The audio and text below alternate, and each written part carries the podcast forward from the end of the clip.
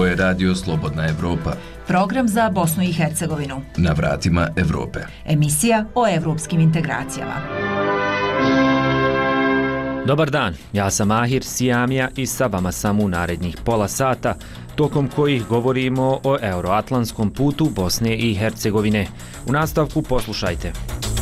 Ozvaničen početak pregovora sa Frontexom. Danas je veliki dan za ministarstvo bezbjednosti. Ispunjavamo jednu od obaveza na evropskom putu i počinjemo pregovore sa Frontexom. U Bosni i Hercegovini je teško naći kuhara i za evropske plate. Mi sad imamo situaciju da sad recimo zidara, bigera, pa će sutra falci zavarivača i svih ostalih zanimanja, da će ti ljudi biti namirivani vana jer ih nema uh, u Bosni i Hercegovini. U nastavku ćemo o najavljenim temama, zato ostanite sa nama. Na vratima Evrope. Emisija o evropskim integracijama.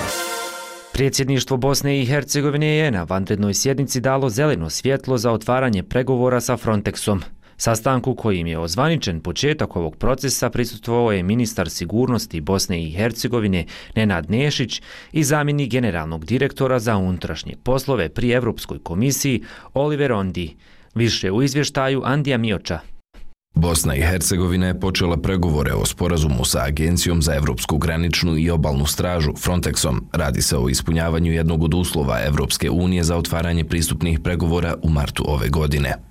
Statusni sporazum će omogućiti Frontexu da rasporedi stalne snage Evropske granične i obalne straže na teritoriji Bosne i Hercegovine na zahtjev nadležnih vlasti u BiH zbog podrške aktivnostima upravljanja granicom.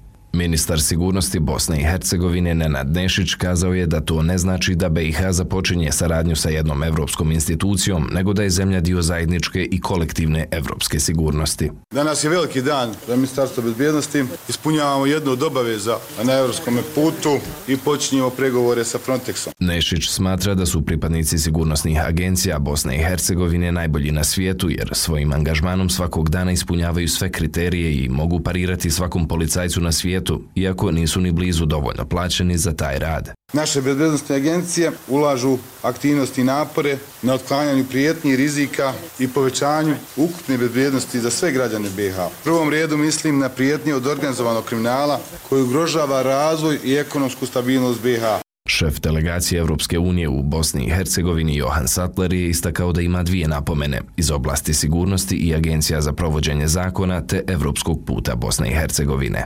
Što se tiče same oblasti e, sigurnosti, odnosno sigurnosne saradnje, ja mislim da možemo evo svi sa, e, reći sa sigurnošću, kad ima volje, ima svakako i načina. Ostvareni su odlučni koraci naprijed u oblasti saradnje. Kada je riječ o evropskom putu, Sattler je naveo da Evropa šalje jedinstvenu poruku, a to je da su vrata otvorena i da postoji realna šansa i prilika koju BiH treba iskoristiti. Zamjenik generalnog direktora za unutrašnje poslove pri Evropskoj komisiji Oliver Onidi je podsjetio da je prošle godine napravljen veliki iskorak uz postavljanjem pune operativne saradnje Bosne i Hercegovine sa Europolom, a da su ostali pregovori i o saradnji sa Frontexom, što je veoma važan korak. Slično kao i Europol, ovo predstavlja jedan e, izuzetno važan e, korak. Ovo je e, istovremeno i odmah od ove tradicionalne klasične saradnje koja podrazumijeva pružanje E, podrške i kažem jedan e, pomak e, ka istinskoj integraciji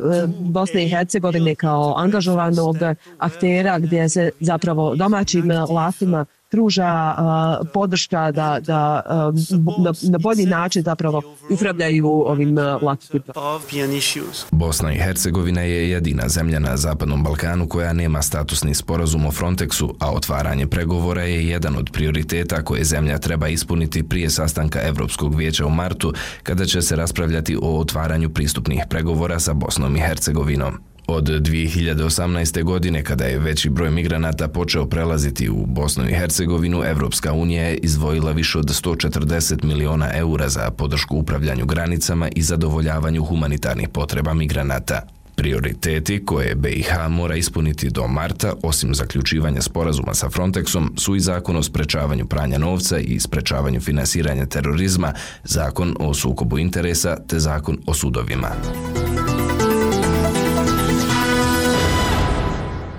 Šta je Frontex i na koji način sarađuje ova agencijama sa državama i šta je ovo emisija?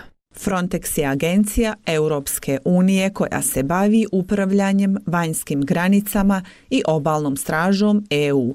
Frontex je osnovan 2004. godine kao Europska agencija za upravljanje operativnom suradnjom na vanjskim granicama, a njegova glavna uloga je koordinacija aktivnosti kontrole granica. Frontex također podržava zemlje EU i Schengena u borbi protiv prekograničnog kriminala i nezakonitih migracija. Frontex ima sjedište u Varšavi u Poljskoj i zapošljava više od 2000 ljudi. Budžet Frontexa je porastao sa 143 miliona eura za 2015. godinu na 543 miliona eura za 2021. godinu, a planirano je da se broj osoblja agencije poveća na 10.000 ljudi do 2027. godine. Frontex surađuje s nacionalnim vlastima koje su zadužene za dnevno upravljanje svojim dijelovima vanjskih granica šengenskog područja. Frontex također provodi zajedničke operacije i misije na kopnu, moru i zraku uz pomoć opreme i stručnjaka iz zemalja članica. Koliko je značajan ovaj sporazum za Bosnu i Hercegovinu za Radio Slobodna Evropa komentariše profesor i bivši dekan Fakulteta za kriminalistiku, kriminologiju i sigurnosne studije na Univerzitetu u Sarajevu, Nedžad Korajlić. Tekst podrazumijeva da ćemo imati bolju sigurnost granica u Bosni i Hercegovini, znači, eh, a isto tako Bosna i Hercegovina direktno graniči sa Republikom Hrvatskom koja je članica Evropske zajednice, Evropske unije i sad s te strane to bi pojačalo znači jednu dubinsku kontrolu granica prema Mamakete, prema Srbiji, prema Crnoj Gori i time bi dobili jedan bolji kvalitet e, granica, a dobili bi i bolju pokrivenost kada su u pitanju migranske, migranska kretanja i migracije e, kroz Bosnu i Hercegovinu.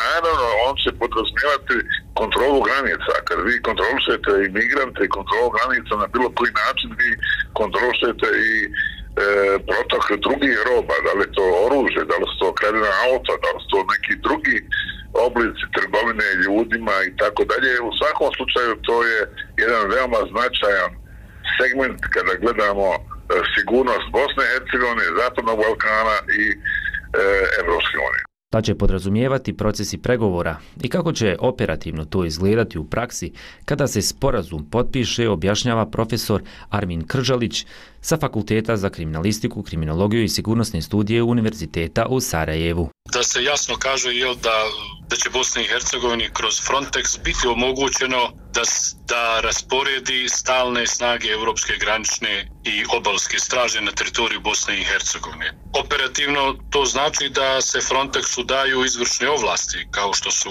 gra, granična kontrola, registracija osoba, znači imamo jednu, jedan sistem pojačane kontrole, a s druge strane je li svakako da e, će Evropska komisija kroz ovaj pristup nadzirati implementaciju akcijnog plana za Zapadni Balkan, s obzirom da je jel, Zapadni Balkan E, odnosno balkanska ruta označena kao jedna od glavnih migracijskih puteva prema Evropi. I u tom kontekstu e, Evropska komisija će da prati, da vrši monitoring e, i implementacije 20, mislim da je operativnih mjera kroz pet stubova, a to su jačanje upravljanja granicom, brze procedure za dobivanje azila, borba protiv krijumčarenja migranata, unapređenje saradnje u okviru readmisije, odnosno povratka migranata i, i, i e, usklađivanje viznih politika. Ali ne treba zaboraviti je li da se jedan dio ovih mjera aktiviraju po pozivu države, odnosno Bosne i Hercegovine. Znači, ne znači ako smo mi već potpisali sporazum, evo ga, sve se to implementira kao što kod nas odma svate, evo ga, sve je to, mi ne moramo ništa više. Ukoliko ne bude proaktivnog pristupa, da se ovo iskoristi, neće niko nama naturati da mi to iskoristimo. Znači, opet je i na nama, ako smo dio te, dio te porodice, ako mi ne budemo tražili da se ove, ovi pristupi iskoriste, naravno, na, nama niko neće to doći i nametnuti Koliko će Frontex pomoći i u kontekstu NATO integracija Bosne i Hercegovine pored EU integracija, objašnjava profesor sa Fakulteta političkih nauka Univerziteta u Sarajevu Mirza Smajić. Svakako ja uvijek želim naglasiti da su EU i NATO integracije nekako komplementarni procesi koji zahtijevaju od zemlje članic, o, potencijalne jel, članice, odnosno kandidata, da izvrši određene reforme. Te reforme se najviše odnose kad su u pitanju Evropske unije NATO, možemo nekako reći u pitanju je sigurnosno pravni izuzev obrambeni sektor koji je samo za NATO, tako da mislim da Frontex e, kroz potpisivanje sporazuma sa Bosnom i Hercegovinom, odnosno BH sa Frontexom, pomoći da koristimo resurse, pomoći da koristimo znanje i sve ono što može pomoći Bosni i Hercegovini da upravlja integrisano svojom granicom, odnosno da zaštiti državnu granicu. Ilegalne imigracije, trgovina oružjem, ljudima, nije samo problem jedne zemlje, evo konkretno Bosne i Hercegovine, nego upravo kroz ovakve mehanizme suradnje, kao što je Frontex i sve drugo, ovaj pomaže zemljama članicama, odnosno potencijalnim kandidatima, da zajedničkim snagama ovaj se suprotstavlje takvim sigurnosnim prijetnjama i izazovima. Za Radio Slobodna Evropa o otvaranju pregovora sa Frontexom i značaju govorili su profesori Univerziteta u Sarajevu Neđat Korajlić, Armin Kržalić i Mirsa Smajić. Evropska unija odobrila je projekat sa dodatnih 6,4 miliona eura za jačanje upravljanja granicom i migracijama u Bosni i Hercegovini zbog porasta ilegalnih dolazaka migranata u zemlju. Međunarodna organizacija za migrante ističe hitnu potrebu za unapređenjem strategija upravljanja migracijama u Bosni i Hercegovini s obzirom na značajan porast broja migranata od 2017. godine. Prošle godine je došlo do porasta broja migranata uglavnom iz Afganistana, Bangladeša, Pakistana i Maroka, koji ulaze u Bosnu i Hercegovinu preko granice sa Srbijom i Crnom Gorom. Unatoč naporima od 2018. godine za poboljšanje kapaciteta, tehničkih ograničenja i nedostatak suradnje među agencijama i organizacijama i dalje predstavlja izazov. Cilj projekta koji će sprovesti IOM u suradnji sa Ministarstvom sigurnosti Bosne i Hercegovine je poboljšati upravljanje granicom i jačati kapacitete za provedbu migracijskih politika u skladu sa ljudskim pravima. Projekat će biti usklađen sa akcionim planom EU za Zapadni Balkan i relevantnim strategijama u Bosni i Hercegovini. Radio Slobodna Evropa, emisija o evropskim integracijama. Obrazovni sistem ne uspjeva da bosansko-hercegovačkoj radnoj snazi obezbijedi vještine i znanja neophodna za nesmetanu integraciju na tržište rada, piše u izvještaju Evropske komisije o Bosni i Hercegovini za 2023. godinu. U izvještaju stoji da je radna snaga Bosne i Hercegovine u konstantnom padu, dijelom zbog stalnih migracija kvalifikovani i manje kvalifikovanih radnika ka inostranstvu, što ima negativan utjecaj na potencijalni rast zemlje priredio Ermin Zatega. Jedan hotel u Mostaru, turističkom gradu na jugu Bosne i Hercegovine, traži glavnog kuhara i nudi platu koju u Bosni i Hercegovini imaju generali oružanih snaga. Uz to nude smještaj, hranu i plaćen zimski odmor. 30 km južno, restoran Old Mill u Stocu već mjesecima bezuspješno traži četiri kuhara. Vlasnik nudi mjesečnu platu od oko 1500 eura tokom 8 mjeseci sezone. Uz to nude smještaj i topli obrok, a ponuda uključuje i finansiranje tokom četiri zimska van sezonska mjeseca ukoliko zaposlenik pristane na angažman tokom naredne sezone. Vlasnik restorana Ibrahim Buzaljko. Javljaju se ljudi, ali to su ljudi kad postavi, možeš voditi smjenu, znaš, oni misle, završio se para, ja mu postavim meni i možeš izvaditi ovo od 30 ljudi kad tu ne može. Osim kuhara, u Bosni i Hercegovini nedostaje i drugih zanatlija, električara, keramičara, vodoinstalatera i brojnih drugih zanatskih profesija. Facebook grupa Majstori Sarajevo ima više od 110.000 članova. Ideja ove, kao i drugih sličnih grupa, je da građanima olakša pronalazak majstora, kao i majstorima pronalazak posla. Jedan od članova, Edin Jamaković, na duhovit način objašnjava da su se želje i potrebe mladih u Bosni i Hercegovini drastično promijenile. Ne bih se složio da nema zanatlija, nego da imamo poplavu novih popularnih zanata poput IT-evaca, youtubera, influencera, developera, programera, instagramera, vlogera, blogera, tiktokera, facebookovaca. Neira Međedović Pamukcu kaže da je imala ogroman problem i troškove zbog nedostatka dobrih zanatlija. Dogovorila sam radove u stanu. Počeli su raditi i odustali na pola posla. Bilo je razrušeno, ali niko nije došao da završi. To je tako stajalo neko vrijeme. Pretrpila sam i finansijske gubitke jer sam odložila selitbu za narednu godinu. Na kraju su radove završili drugi ljudi. Oko 330.000 osoba je prema podacima entitetskih zavoda registrovano kao nezaposleno u Bosni i Hercegovini. Na evidencijama nezaposlenih u federaciji je oko 3500 kuhara, ali ova evidencija nam daje lažnu sliku tržišta rada, kaže Haris Čuljević, glasnogovornik Federalnog zavoda za zapošljavanje. Pošto ne može drugačije da zdravstveno osiguranje ovaj riješi, prijavi se na evidenciju nezaposlenih, ostvaruje određena prava samim tim što je prijavljena na, na evidenciju između ostalog i zdravstveno o, osiguranje, međutim uopšte nije motivisana za rad i ne traži ovaj posao i ako izovu sa opštinskog biroa za zapošljavanje, ona taj posao odbije pod nekim o, izgovorom. Zbog nedostatka radne snage, poslodavci traže povećanje broja radnih dozvola za uvoz radnika iz drugih zemalja. Saša Ačić, direktor Unije poslodavaca BH entiteta Republika Srpska. Mi sad imamo situaciju da sad recimo zidara, bigera, pa će sutra falti zavarivača i svih ostalih zanimanja, da će ti ljudi biti namirivani zvana jer ih nema uh, u Bosni i Hercegovini. Obrazovni sistem ne uspjeva da bosansko-hercegovačkoj radnoj snazi obezbijedi potrebne vještine i znanja, piše u izvještaju Evropske komisije o Bosni i Hercegovini za 2023. godinu. U izvještaju stoji da je radna snaga Bosne i Hercegovine u konstantnom padu, dijelom zbog stalne migracije kvalifikovanih i manje kvalifikovanih radnika ka inostranstvu. To ima, kaže se u izvještaju, negativan uticaj na potencijal rasta zemlje. Za Radio Slobodna Evropa, Ermin Zatega. U Unsko-Sanskom kantonu završena je realizacija projekta Razvoj i implementacija programa zapošljavanja prekvalifikacijom prema potrebama tržišta rada. Oko stotinu polaznika steklo je neophodne vještine i znanja za pokretanje vlastitog biznisa. Prekvalifikovano je 85 osoba, 35 ih se zaposlo, a u Velikoj Kladuši je pokrinuto 8 start-up biznisa.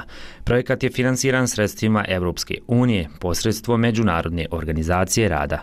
Više u prilogu Azre Bajrić.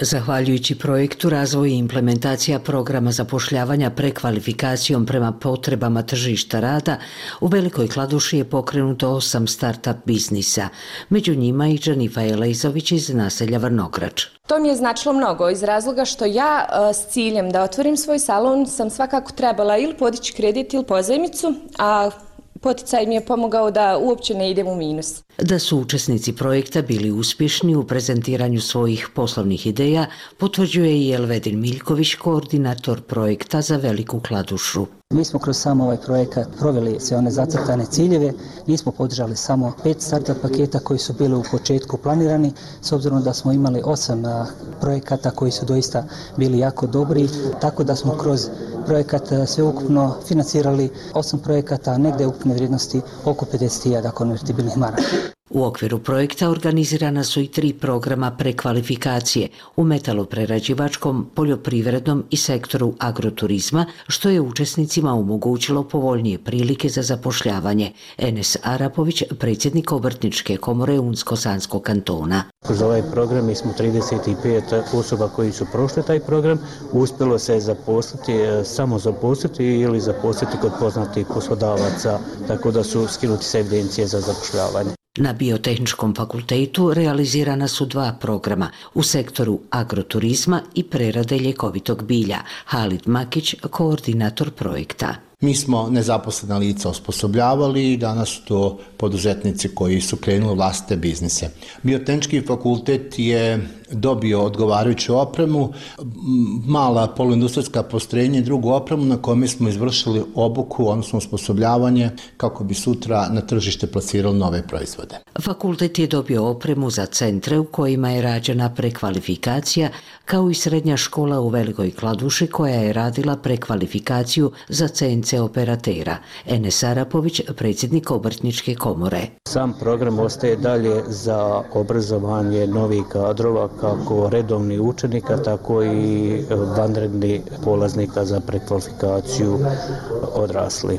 Lokalno partnerstvo za zapošljavanje u Unsko-Sanskom kantonu jedno je od 20 uspostavljenih u Bosni i Hercegovini u okviru projekta podrška Evropske unije lokalnim partnerstvima faza 2, a koji Evropska Evropska unija finansira sa 4 miliona eura, a provodi Međunarodna organizacija rada. Za Radio Slobodna Evropa, Azra Bajrić. U malu prnjavorsku vinariju u prošloj godini stigla je nova oprema koju najvećim dijelom finansira Evropska unija kroz program podrške poljoprivrednoj proizvodnji u Bosni i Hercegovini. Proizvodnja vina pokrenuta je na zapuštenom zemljištu. U maloj vinariji uspjeli su da svoje proizvode plasiraju na zahtjevno francusko tržište, jer je Francuska među najvećim globalnim proizvođačima vina. Izvještava Arnes Grbešić. Nova oprema olakšat će proizvodnju vina, kaže predstavnica vinarije Fazan u Prnjavoru Nada Harijan. To su bile ino posude za fermentaciju i za čuvanje vina, burad francuska. Bile su palete e, koje, u kojima se čuva vino u buteljama već odložava. I jedan dio je bio za marketinške usluge. U nabavku je uloženo stotinjak hiljada maraka. Najveći dio novca osigurala je Evropska unija. To je nama puno značilo s obzirom da smo mi startali od nule i normalno da svakim povećanjem proizvodnje uvijek vam nedostaje opreme. Poljoprivredni inženjer Mirko Končić skoro šest godina radi u vinariji. Jedan dio opreme je već u funkciji s tim da će 100% proizvodnja znači biti tek krajem ove godine. Pa pomoglo nam je više struko iskreno, ovaj, s obzirom da smo imali jedan zasad koji smo podigli prije neke 3-3,5 godine. E, javila je se potreba kako za novom opremom, znači e, kapacitet sam proizvodnje se povećao, a samim time i, i količina vina.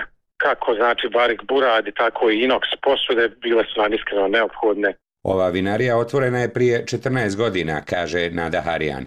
To je jedna mala butik vinarija, vlasnik je Francuz, Christian Twitter. 2010. su zasađen, zasađen je prvi hektar, a sada smo negdje blizu 4 hektara. Imamo crnog grožđa i bijelog grožđa. Sve je certifikovani materijal i sva vina se rade po francuskoj recepturi prvih par godina 90% našeg vina je išlo za izvoz, išlo je za Francusku. Izvoz iz Bosne i Hercegovine u jednu od najpoznatijih vinskih zemalja, koja je i među najvećim globalnim proizvođačima vina, podatak je vrijedan pažnje. Ponovo agronom Mirko Končić. Oni kada su krenuli, znači e, cijelokupna ova površina je bila pod e, praktično jedan dio je bio pošumljen, same pripreme i krčenje trajalo je znači sigurno neke dvije godine. Dovođenje cijele ove površine praktično u, u neki proizvodni pogon trajalo je sigurno 4-5 godina. Znači bili su ogromni radovi, velike investicije. Mi smo se isključivo od samoga dakle, početka bazirali na jednu manj, manju ograničenu dakle, proizvodnju, ali jeste dao akcenat e, prvenstveno na kvalitet. Kao i ste sami rekli, nemoguće je znači u zemlju vina da se izve, izveze e, neki finalni proizvod, a da u stvari on nije e, vrhunski. Znači mala je ograničena je proizvodnja, sad to e, negdje na godišnjem nivou to je nekih 13-14 hiljada litara, sad to bazira, varira na neki način od godine do godine. Protekla godina nije bila povoljna, kaže Nada Harijan. Prošlu godinu nećemo računati jer je bila jako ekstremna Kuće su uradile svoje, tako da možemo bukvalno reći da nismo imali berbe. Nešto vrlo malo, ali s obzirom na pretprošlu godinu, mogu reći da nismo imali berbe. U toku je rezidba vinograda u Prnjavoru, koja je i odgovorna klimatske promjene, objašnjava agronom Mirko Končić. Rezidbu pomjeramo na neki način koliko možemo da bi se taj period vegetacije na neki način odgodio veliku ulogu nam igra pa 7 i 10 dana. To je jedna od mjera da smo u zadnje e, dvije godine, ovo u stvari druga godina, na neki način malo smo promijenili sam koncept same rezidbi. To su neke najnovija istraživanja koja su provedena u Francuskoj, pa primjenjujemo taj način rezidbi, jedan tuži način rezidbi koji nam omogućava, odnosno daje nam malo više vremena i mogućnosti a, da sačuvamo ovaj, samu lozu.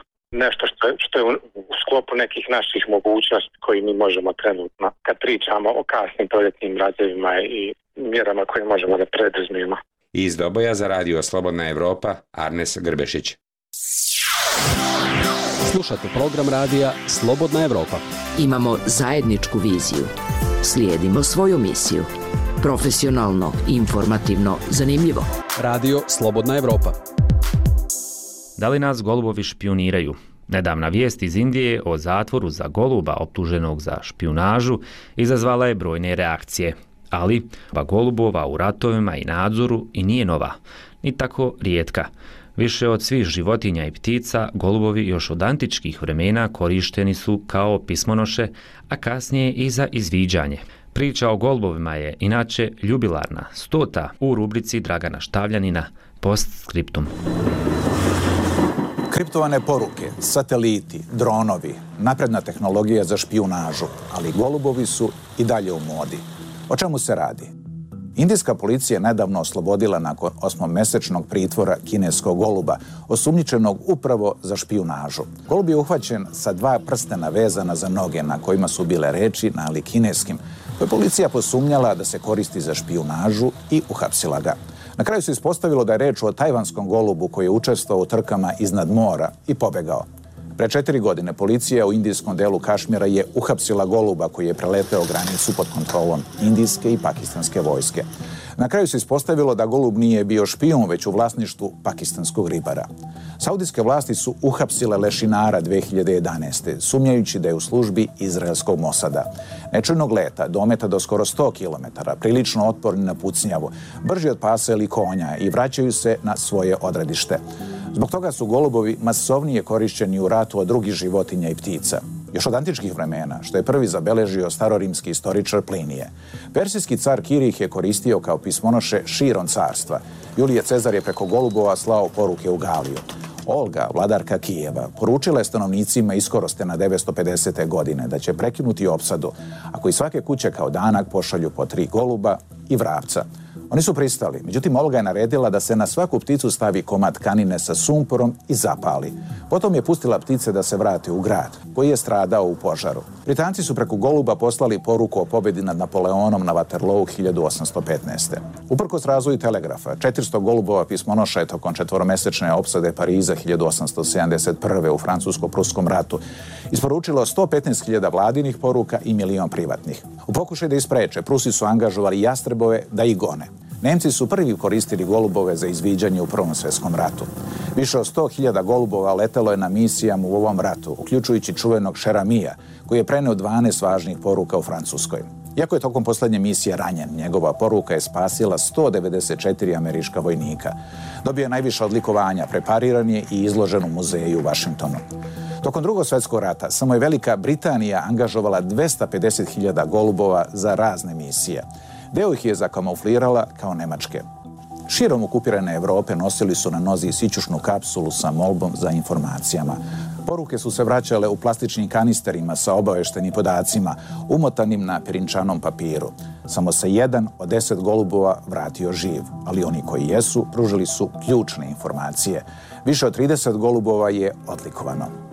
CIA je 1970-ih razmatrala korišćenje golubova sa sićušnim kamerama za automatsko snimanje fotografija iznad Sovjetskog saveza. Ronald Reagan i Margaret Thatcher su započeli upotrebu dronova nali golubovima za nadgledanje. I šta ćete pomisliti kada vam golub sljedeći put sleti na prozor?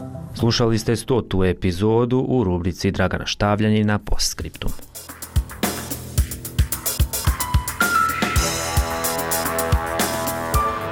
Bilo je to sve što smo pripremili u ovom izdanju emisije na vratima Evrope. Ostale naše sadržaje možete naći na web stranici slobodnaevropa.org, dok podcaste zaviri ispod površine, glasu mladih i između redova, osim na web sajtu potražite na društvenim mrežama kao i na platformama Spotify, Google podcastima i iTunesu. Sa vama smo proteklih pola sata bili Vesna Jelčić i Mahir Sjamija. Veliki pozdrav!